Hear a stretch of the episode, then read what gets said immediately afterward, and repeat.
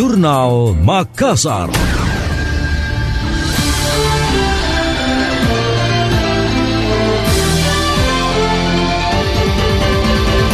Anggota Panitia Pemungutan Suara PPS terpilih untuk pemilu 2024 di Makassar dipastikan terbebas dari afiliasi politik.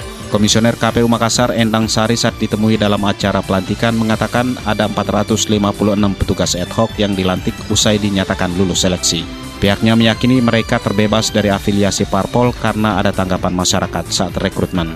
Menurutnya ini bukan satu-satunya variabel karena ada proses yang berlanjut.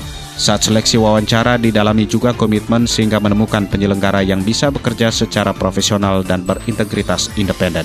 Selain itu ditelusuri rekam jejak dan komitmen mereka yang berdiri di atas ideologi penyelenggara.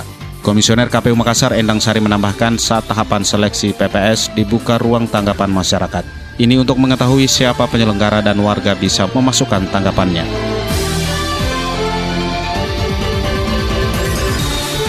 Samsur Rizal akan maju sebagai calon anggota legislatif caleg DPR RI melalui Partai Kebangkitan Bangsa PKB.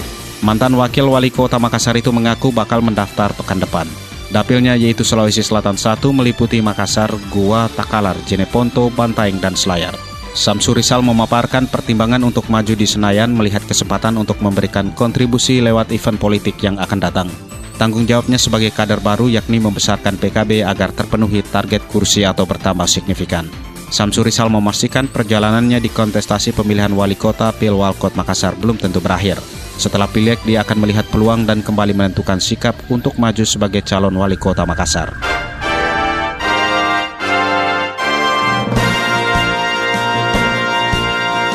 Demikian tadi, Jurnal Makassar.